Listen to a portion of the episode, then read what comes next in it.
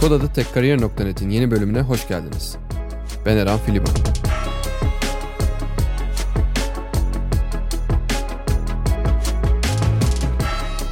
Bugünkü konuğumuz Ayşe Bilge Gündüz. San Francisco merkezli Quantcast firmasında makine öğrenmesi mühendisi olarak çalışan Bilge ile teknoloji ekosistemindeki cinsiyet eşitliği ihtiyacını konuştuk. Öncelikle bunun ne demek olduğunu ve bu konunun neden tek başına bir podcast bölümü konusu olduğunu Bilge'ye sordum. Bilge hem kendi yaşadığı hem de sektörde gördüklerinden derlediği deneyimlerle bize özellikle teknoloji sektöründeki cinsiyetçiliğin ne demek olduğunu detaylandırdı. Bu konu karşısında birey olarak neler yapılabileceğini, aynı zamanda bunun çözülmesi yolunda topluluk ve insan gruplarının yapabileceklerini de konuştuk. Kendi adıma bilmediğim bir açıyı detaylandırdığı için Bilge'ye teşekkür ederim. Umarım sizin için de faydalı bir bölüm olacaktır. Keyifli dinlemeler.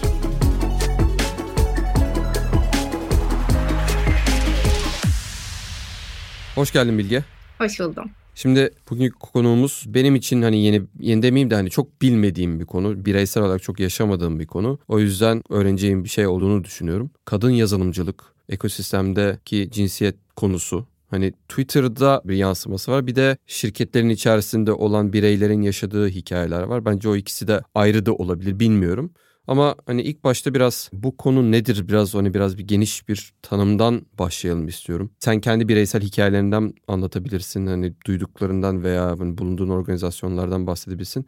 Biraz hani kadın yazılımcı olmak ne demek? Yani bunu biz niye konuşuyoruz? Bu niye bir konu? Belki ondan başlayalım ondan sonra detaylara gireriz. Öncelikle teşekkür ederim Eren. Beni böyle bir etkinliğe, bir podcast'a davet ettiğin ve konuşma fırsatı verdiğin için aslında ifade etme fırsatı verdiğin için. Kadın yazılımcı aslında her ne kadar bir yazılımcının kadın olmasıyla birlikte bir etikete dönüşmüş olsa da aslında biz kadınların da böyle spesifik olarak belirtmekten çok memnun da uzun vadede olmak istemeyeceğimiz bir şey olabilir. Ya da en azından kendi adıma ben de isterdim ki ortam mükemmel, eşit bir ortam olsun ve biz bu cinsiyet özelliğimizden bahsetmek zorunda kalmayalım. Biz kadın yazılımcıyız demek zorunda kalmayalım. Ama günün sonunda ortam eşit değil. Ortam hiç kimse hiçbir iş için, hiçbir meslek grubu için eşit değil aslında. Ama yazılım sektörü, mühendislik sektörüyle kol kola bir sektör olduğu ve çok erkek domine bir sektör olduğu için biz kendimizi daha iyi ifade edebilmek için aslında kendimize kadın yazılımcı diyoruz şeklinde ifade edebilirim belki de. Bunu cinsiyet üzerinde biz yine kadın yazılımcı şeklinde ifade ediyoruz ama yani herkes kendini farklı tanımlıyor bildiğiniz üzerinde. O yüzden de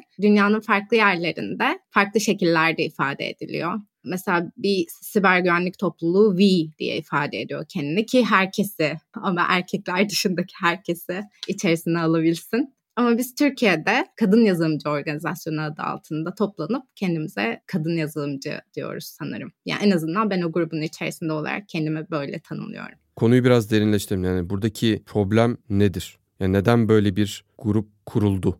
Yani neye karşı? Ya burada bir şeyin altını çizmek istiyorum. Ben birebir yaşamadığım için yaşayan insanın gördüğü şey farklı olabilir. Hani benim orada bir körlüğüm olabilir. O yüzden açıkçası hani yaşayan veya yaşamış olan insanlarla birlikte olan bir insan olarak açıkçası sana soruyorum. Yani buradaki o konu nedir yani açık açık tanımlamasını nasıl yaparız yani? Elimden geldiğince açıklayayım. Yine kadın yazılımcı organizasyonu üzerinden gideceğim ki bu tanım nasıl ortaya çıktı daha düzgün bir şekilde ifade edelim. Kadın yazılımcı grubu ben onların içerisine dahil olmadan, ekibin içerisine dahil olmadan önce Elif'in inisiyatifiyle ortaya çıkıyor aslında Elif Kuş'un. Bunun sebebi de şey yani kadınlar ortamlarda kendilerini yalnız hissediyorlar ya da Elif, Gülçin, Nesrin gibi arkadaşlarım bulundukları iş ortamında kendilerini yalnız zaman zaman hatta dışlanmış hissediyorlar. Birçok kadın da okullarda bile böyle hissedenler var. Çünkü kimilerinin hocaları sen kadınsın işte yazılım işi yapamazsın diyor. Kimilerinin işte yakınları sen kadınsın en iyisi analitik işine gir diyor vesaire vesaire. Dolayısıyla bu tarz ayrımcı durumlara ve davranışlara maruz kalan kadınlar günün sonunda kendilerini bir grubun içerisine dahil olarak görüp bir konfor alanı oluşturmak istiyorlar aslında ve bir araya gelip adını kadın yazılımcı koydukları bir organizasyon kuruyorlar. Bu resmi bir organizasyon değil, bir dernek değil, bir şey değil. Bir topluluk tamamıyla. Ve bir araya geldiklerinde şunu fark ediyorlar. Dertleri ortak. Yani içerisinde bulundukları gruba dair aidiyet hissetmekte zorlandıkları, dışlandıkları ya da seksistliğe uğradıkları yani sırf kadın oldukları için etiketlerle mücadele etmek zorunda kaldıkları gibi gibi daha böyle hani çok ekstrem noktalara giden olaylar yaşayanların da olduğu bir grup aslında insanın bir araya gelmesiyle ortaya çıkıyor. Buradaki ana problem de yine dediğim gibi aidiyet hissinin oluşamaması içerisinde bulundukları ortamlarda. Bu da işte neden kaynaklanıyor olabilir? Mesela atıyorum 10 tane erkeğin olduğu bir ekipte çalışıyorsundur. Tek kadınsındır ve tek kadın olduğun için otomatikman senin bilgisiz olduğunu varsayarak işe başlarlar ya da duruma başlanır. Dolayısıyla sen sürekli bir kendini böyle ifade etmeye çalışırsın, kendini kanıtlamaya çalışırsın ve günün sonunda bu çok yorucu bir şey. Herkes için çok yorucu. Bunun yerine bir erkek de kendini koyabilir. Sürekli kendini kanıtlamaya çalışmak çok yorucu bir şey. Dolayısıyla da bu sebeplerden biri olarak düşünebiliriz aslında ve günün sonunda ortak bir dilde konuştuğun, ortak problemleri paylaştığın bir topluluğun içerisinde olmak iyi geldiği için bir süre sonra bu topluluğun ve bu problemin adına bir isim vermeye karar verdik belki de. Ya da belki de çoktan böyle isimler verilmiş topluluklar olduğu için ya biz de aslında bu gruba dahiliz diye düşündük ve kadın yazılımcı dedik. Peki bu mesela bu grup içerisinde yapılan konuşmalarda ortaya çıkan bu paternler neler oluyor? Aslında çok çeşitli paternler var. Hatta bazılarının hiç farkında bile değiliz şöyle ifade edeyim. Elif beni gruba ilk davet ettiğinde, bu topluluğun içerisinde bulunmaya ilk davet ettiğinde ben hiç ihtiyacım olmadığını düşündüm. Çünkü dedim ki öncelikle ben bir ayrımcılığa uğramıyorum. Sonra ben kendimi teknik olarak ifade etmek istiyorum cinsiyetimle değil eğer teknik olarak ifade edersem çünkü kabul göreceğimi düşünüyorum ama teknik olarak ifade edip kabul bile gördüğümde ben bir exception oluyorum sadece. Bunun mesela hiç farkında değilim. Sen onlar gibi değilsin. Bu mesela birçok kendini teknik olarak ifade eden kadının duyduğu bir cümle. Sen diğerleri gibi değilsin. Diğerleri derken diğer kadınları ifade ediyor aslında. Bu yüzden de sanırım paternler çok benzer. İçerisine girdikçe ve konuştukça bunu ben de yaşadım ya demeye başlıyorsun. Mesela bunu ben de yaşadım dediğim kendi adıma kişisel bir anım şu. Yüksek lisans hocam bana her yanına gittiğimde işte tez için görüşmeye gidiyorum. Her gittiğimde işte birlikte uzun bir süre geçiriyorsun tez hocanla tez yazdığın vakitler boyunca. Bu da böyle arandaki iletişimin daha güçlü olmasına ya hatta neredeyse kendi belki işte baban gibi falan birine ya da annen gibi birine dönüşmesine sebep olabiliyor. Benim tez hocam yani dünya tatlısı bir insan aslında. Çok severim. O da beni çok sever falan ama her gittiğimde ben ona Türk kahvesi yapıyorum. Ben neden Tes hocama Türk kahvesi yapayım? Ya da Tes hocam bunu bir erkekten istiyor mudur? Ya da mesela misafirleri geldiğinde ben hepsine Türk kahvesi yapıyorum. Ben niye Türk kahvesi yapayım? Yani bu üzerimize oturtulmuş bazı roller var ve bu rollerden nerede olursak olalım kaçamıyoruz kaçamadıkça da bu bizi daha çok sıkıştırıyor. Bu mesela paternlerden bir tanesi ve bu benim hiç farkında olmadığım bir paterndi. Kadın yazılımcıda bir araya gelip toplulukla birlikte konuşana kadar. Ya da şey de bir patern. Mesela Gülçin anlattığında şimdi benim önüme geldiği için fark ediyorum. Mesela bir kadın genellikle yönetici roller alabilir ekibi içerisinde ama bu o kadının yönetici, ekibin yöneticisi olacağı ve olduğu anlamına gelmez bir erkek gibi sıklıkla ne title'ı yönetici olarak değişir ne de maaşı ama sürekli ekstra rolleri olur. Ekstra rollerinden bir tanesi işte mesela belki annelik rolünden geliyordur bilmiyorum. Toplayıp toparlamak ekibi. Yani otomatikman ekip yöneticisine dönüşmek belki de zaman içerisinde ama resmi olarak değil. Enteresan. Yani anlamaya çalışıyorum bu bahsettiğin şeylerin bir kısmı sanki aslında pozisyon ve daha doğrusu meslekten bağımsız da bir şey. Yani yazılımcı değil başka bir şey desek de aslında bu bahsettiğin şeylerin bir kısmı onlarda da olabilir. Yani hani bankacı diyelim. Banka sektöründe de belki benzer bir şey oluşuyor olabilir. Yani problemin kökünü anlamaya çalışıyorum. Yani hani bu yazılım sektörüyle alakalı bir şey mi yoksa genel olarak hani cinsiyet tanımı veya oradaki toplumdaki rollerle varsayılmış rollerle alakalı bir şey mi diye. Hani sanki bir kısmı ondan da kaynaklı aslında. Yani bu ekosistemden tam tamamen bağımsız. Kültürel normlarımız, toplumsal işte roller, bilinçaltına yerleşmiş tanımlar diyelim oluşturduğu ve aslında istenmeyen çünkü sen kendin de söyledin ya Tez hocanın aslında tatlı bir insan olduğundan bahsediyor. Belki de hani istenmeyen bir şekilde diyelim hani istenmeyen bir şekilde yanlış bir mesaj verdiği konusu var. Burada bence farkındalık önemli. Çünkü neyin nasıl bir etkisi olduğunu karşı taraf olmadığınız zaman hani karşı taraf diyorum bu her şey için geçerli bu kadın konusundan bahsetmiyorum. Karşı taraf olmadığınız zaman anlaması belki de biraz güç olabiliyor. Yani şöyle şöyle bir yerden geliyorum ben. İyi olduğunu varsayıp yani kötü bir yerden gelmediğini varsaydığım senaryodan bahsediyorum. Orada bence farkındalık önemli. Benim bir ekip arkadaşımla yaşadığım bir şey olmuştu. O da aslında benim de mesela yaptığım bazı yorumlarda cinsiyetçi mi diyeyim yanlış anlaşılabilecek yorumlar olduğundan bahsetmişti ve bunu ben açıkçası fark etmemiştim. Çok böyle hani alenen açık bir cinsiyetçi gibi değil de yani şeydi bu senin bahsettiğin gibi hani toplumdan zaten normalde yaptığımız muhabbet aslında kötü bir yerden gelmiyor, kötü bir niyetten gelmiyor ama farklı algılandığını görmüştüm. Ama Eren kötü iyi dediğin nedir ki? Yani incitmeye çalışmamak. kötü iyi tanım benim için en azından o. Yani hani karşı tarafı incitmeye bilerek yapmamak diyelim. Anlıyorum söylediğin şeyi.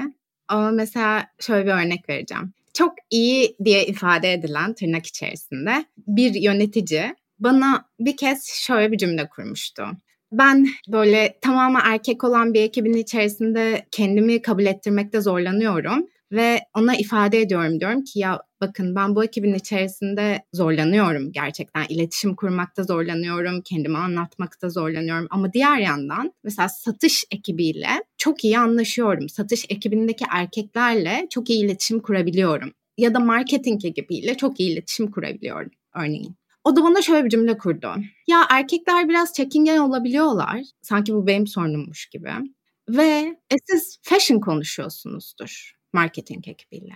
Ben böyle ne dedim. Ya erkeklerden bahsediyorum dedim. Yani erkeklerle orada iletişim kurabiliyorum ve mühendislik ekibinin erkekleriyle iletişim kuramıyorum. Bundan bahsediyorum. Dedi ki ya evet evet fashion konuşuyorsunuzdur.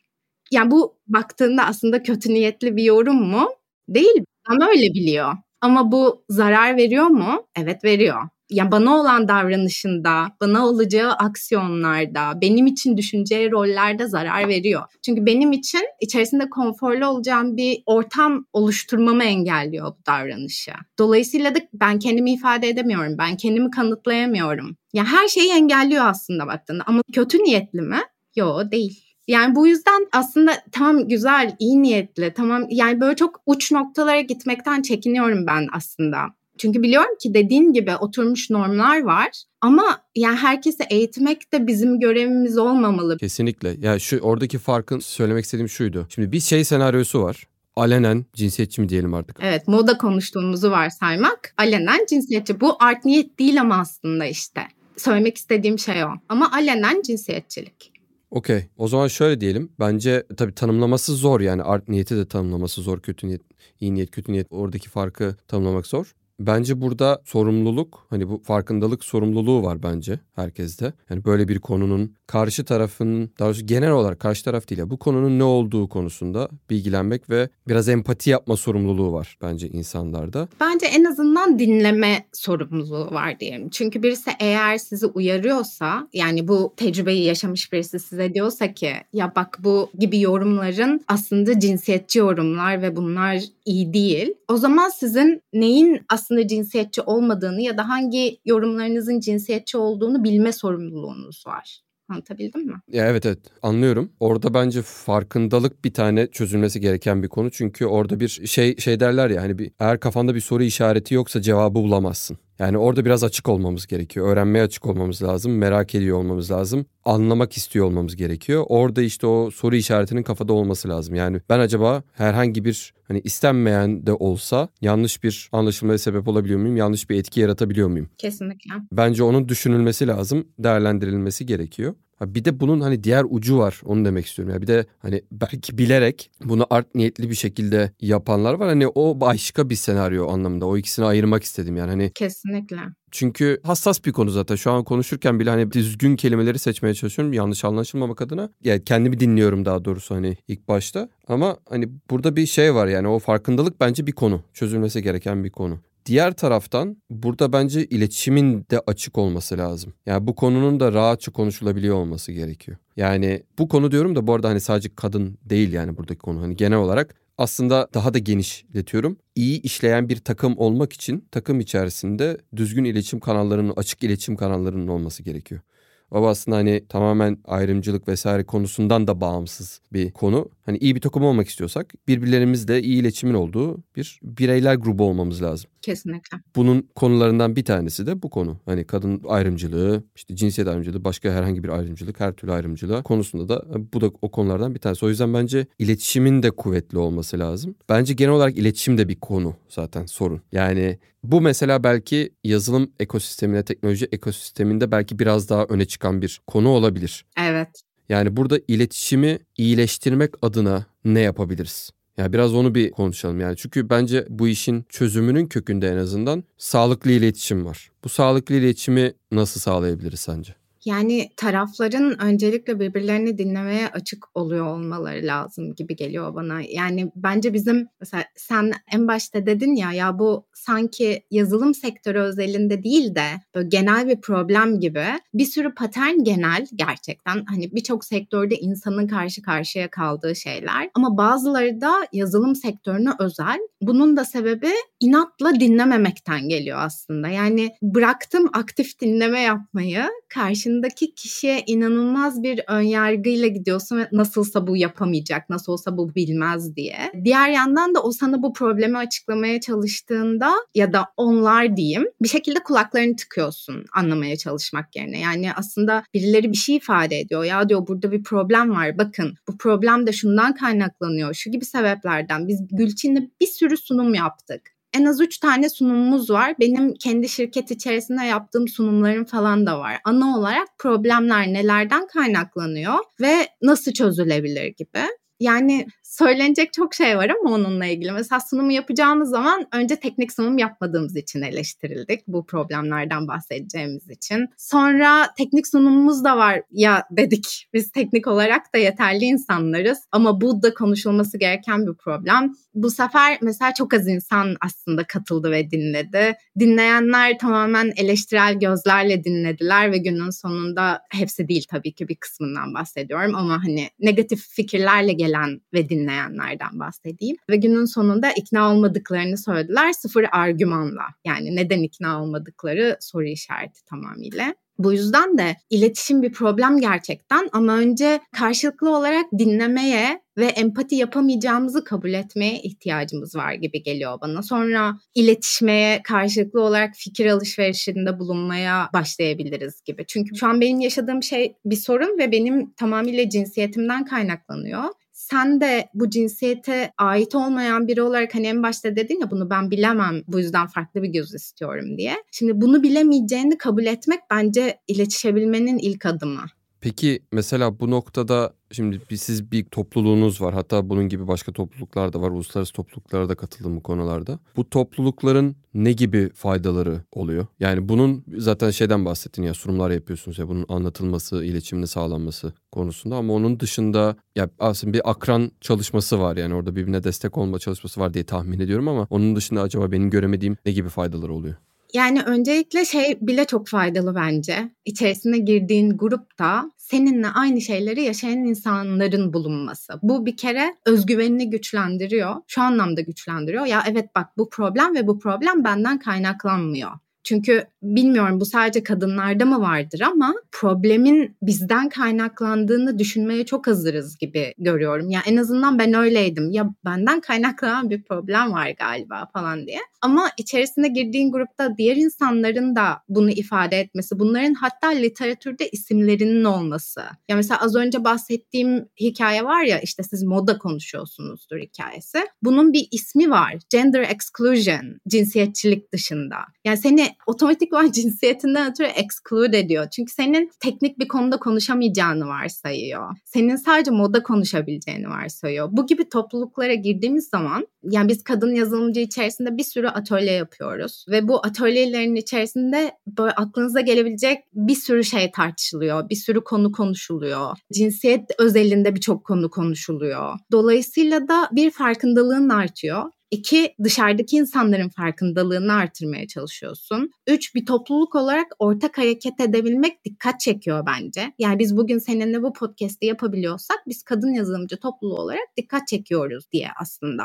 bir anlamda. Ya da mesela Sisters Lab'ın içerisinde de bulunuyorum. Onlar da genellikle cinsiyet ağırlıklı projelerde bulunuyorlar. Zaten bununla ilgili fonlar buluyorlar kendilerine. O da öyle. Onlar da dikkat çekiyorlar. Bilgilendirmeye çalışıyorlar. Farkındalığı artırmaya çalışıyorlar. Bu yüzden aslında içerisinde bulunduğun topluluk hem seni itiyor hem de sen dışarıdaki insanlara kendini anlatma fırsatı buluyorsun. Bunun dışında da kendi kişisel alanında da kendine olan özgüvenin artıyor. Çünkü biliyorsun ki aslında problemin belki bir kısmı senden kaynaklanıyor ve sen bunları anlayarak çözebilirsin ama bu problem bulutunu minik parçalara ayırabilir hale geliyorsun ve bazıları senden kaynaklanmıyor ve bunun çözümü de sende değil dolayısıyla. Bu yüzden bence toplulukların içerisinde bulunmak ya da en azından benim içerisinde bulunduğum kadın yazılımcı toplulukları içerisinde bulunmak birçok şey sağlıyor. Bunlar hem manevi hem kişisel hem diğer insanları da eğitmek anlamında, öğretmek anlamında. Okey. Söylediğin şey aslında enteresan. Ya bu o problemi küçük parçalara bölebilme şansı sunuyor ve köküne inebilme. Yani neresi ya çünkü iki taraflıdır zaten iletişim yani. Tek bir tarafın sorumluluğunda değildir. Bence iki tarafın da sorumluluğundadır bu herhangi bir konu yani sağlıklı iletişim.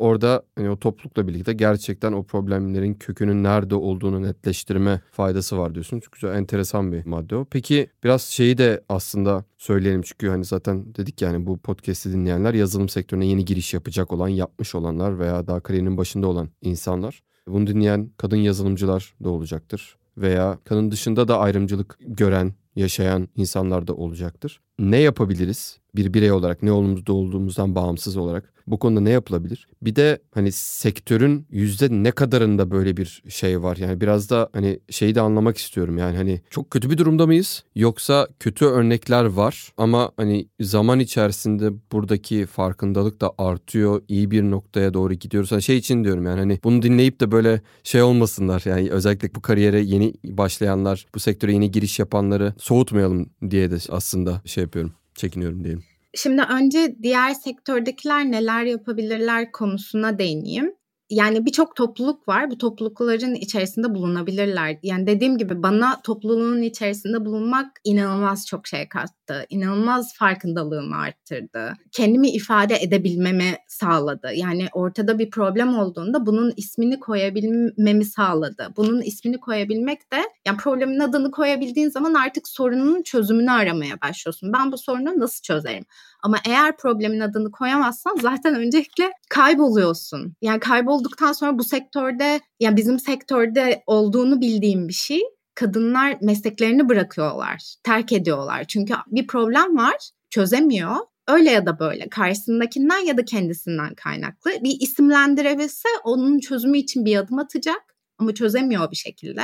Bu yüzden de bırakıp başka bir şey yapmayı tercih ediyor. Diğer sektördekiler de ben onların yerinde olsam sanırım Sisters Lab'e katılırım. Çünkü Sisters Lab eğer yanılmıyorsam ya sistem alanlarının tamamını kapsıyor. Sadece teknolojiyi kapsamıyor öncelikle. Ama diğer konuda yine feminist toplulukların içerisinde katılırım gibi geliyor. Yani sadece feminist topluluk olmak zorunda değil bu arada. İşte kendini ifade ettiğin cinsiyet her neyse bunun ve bunu kapsayan grupların içerisinde bulunmak çok şeyi değiştirecektir diye düşünüyorum. Çünkü senin yaşadığın şeyi yaşayan başkaları da var ve senin ihtiyacın olan desteği sana verecek olan seninle bu empatiyi kurabilecek insanlar ve bunlardan çok var. Sadece onları bulmak gerekiyor. Bu yüzden diğer sektördekilere bunu tavsiye edebilirim. Bir de daha çok yeni konuştuğumuz bir kitap var. İsmi şu anda hemen aklıma gelmedi ama şey okuduğum listeden açıp bakacağım. Ben o kitabı okuduğumda bunun bütün alanlara bu kadar yayılmış olduğunu fark ettim. Yani mesela işte sağlık sektöründe temsil insan dedikleri şey 1.75 boyunda bir erkek. Hangi kadın 1.75 boyunda bir erkek? Yani dolayısıyla da işte teknoloji sektörü yine hiçbir şekilde kadınları baz alarak şey yapmıyor, gelişmiyor. Sağlık sektörü kadınları baz alarak gelişmiyor. Ya mesela şey beni çok etkilemişti. Kalp krizi. Hani hepimizin bildiği kalp krizi şeyi vardır ya. Elini kalbinin üzerine koyarsın, bir sıkışma hissedersin. Yoksa kalp krizi mi? Bu erkeklerde böyle gerçekten. Kadınlarda ise hiç böyle değil. Kalbinin sıkıştığını hissetmek kadınlarda bir kalp krizi göstergesi değil. Ama doktorun el kitabında bile kalbin sıkışıyor mu sorusu yer alıyor. Çünkü temsil insan bir erkek. Yani bu tarz şeyleri öğrenmek ya belki bir taraftan baktığında demotive ediyor olabilir. Ya bütün dünya erkeklerin düzeni için kurulmuş şeklinde. Ama diğer yandan baktığında da farkındalık geliştiriyor ve bu farkındalık sayesinde şu anda yapılacak olan medikal çalışmalarda temsil insan sadece erkek değil. Yani prestijli kurullar artık sadece temsil insanın erkek olduğu sonuçları kabul etmiyor kadın olan versiyonlarını farklı gruplarda olan çalışmaları da istiyor. Yani bu farkındalığın sonucu bu. Dolayısıyla da bunu geliştirmek lazım. Diğer yandan sektörün yüzde kaçı bu çok iddialı bir soru. Cevap vermek de çok iddialı olur gibi geliyor. Yani hiç benim bilebileceğim bir şey değil ama şöyle cevap verebilirim buna. Benim içerisinde bulunduğum firmalarda inanılmaz böyle kendimi eşit hissettiğim hem erkek yöneticiyle hem kadın yöneticiyle firmalar var. İnanılmaz bir şekilde ayrımcılık yapan firmalar da var. Şimdi dünyaya dönüp bakarsam eğer işte şu an Londra'da yaşıyorum. Türkiye'den ilk çıktığımda düşündüğüm şey dünyanın farklı olacağıydı. Ya da ilk Almanya'ya gittiğimde düşündüğüm şey dünyanın farklı olacağıydı. Yani pozitif anlamda farklı olacağı bu arada. Ama durumun çok da öyle olmadığını gördüm. Bunu hem Almanya'da gördüm çünkü mesela mühendislik bölümlerine katılan kadınlar inanılmaz bir mobbing görüyorlar. Bu yüzden de mühendislik bölümü tercih etmiyorlar Almanya'da sıklıkla ya da okurken bırakıyorlar. Ve oranlar çok büyük böyle az buz oranlardan bahsetmiyoruz. Diğer yandan bizim gibi gelişmekte olan ülkelerde mühendislik bölümlerini tercih eden kadın sayısı bayağı yüksek diğerlerine göre. Yani böyle eşit değil belki bazı bölümlerde eşit bazı bölümlerde çok çok farklı.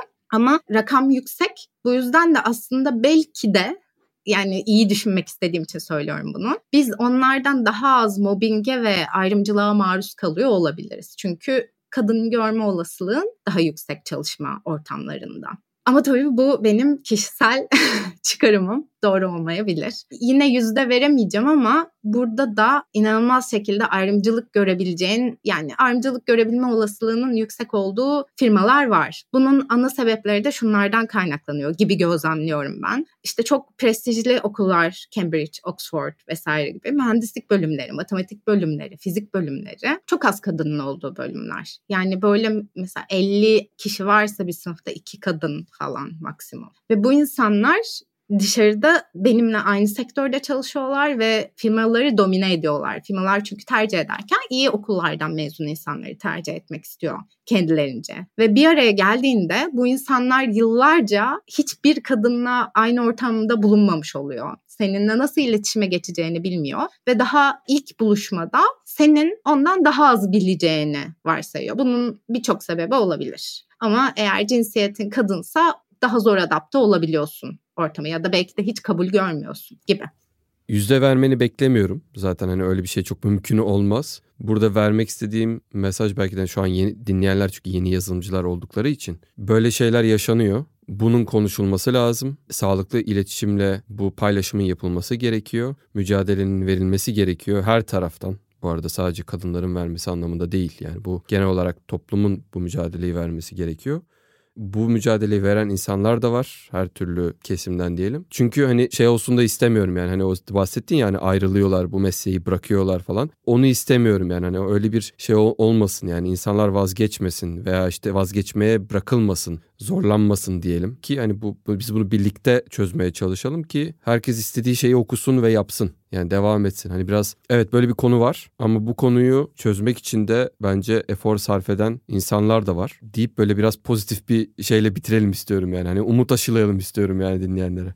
Ya evet bu arada bu şey demek değil yani biz bir problemi konuşuyoruz burada. Bu problemin varlığı pozitif örnekleri yok etmiyor hiçbir şekilde. Yani gerçekten benim Türkiye'de en son çalıştığım firmada inanılmaz eşit bir ortamda hissettim ben kendimi. Zaten içerideki oranlar da çok eşitti. Benim içerisinde çalıştığım ekibin kadın erkek oranı da çok eşitti.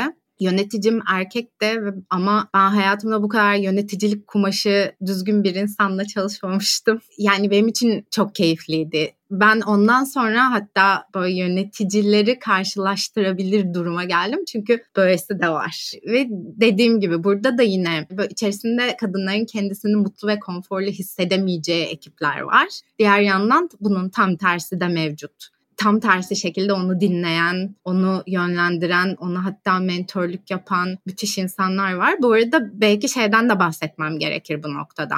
Evet içerisinde bulunduğumuz topluluklar bize umut ve destek veriyor. Ama diğer yandan bir sürü organizasyon var. Mentor sağlıyorlar. Düzenli olarak görüşme yapıyorsunuz mentorlarınızla ve bu birçok konu üzerinde olabilir. Teknik olarak kendinizi geliştirmek istiyorsunuzdur ya da işte iletişimsel olarak ya da yönetici olmak istiyorsunuzdur ileride. Bununla ilgili ilgili işte tamamen meslek değildir ama hayatla ilgili destek almak istiyorsunuz. Birçok bir konuda mentor olabilir. Ve ben bu noktada mesela tercihimi beni daha düşünsel anlamda da destekleyecek, işte kariyerimde de destekleyecek birinden yana kullandım. Yine bir topluluk üzerinden bularak yaptım bunu ve mesela çok zorlandığım zamanlarda ondan aldığım destekler beni motive ediyor öyle söyleyeyim. Beni pozitif şekilde motive ediyor. Bu da mümkün. Evet sektörde istediğimiz veya ideal diyelim ortamlar var kesinlikle. Hani onu arayın. Onu arama hakkınız %100 var. Herkes için geçerli bu. Onu bulana kadar da belki mücadelenizi devam ettirin. Hani kendinizi şey hissetmeyin yani orada takılmış gibi hissetmeyin. Ya sanki o kötü ortamda bulunmak durumundaymışsınız gibi. Bunun güzel örnekleri de var diyorsun. Bence konuşulması gereken güzel bir mücadele bu.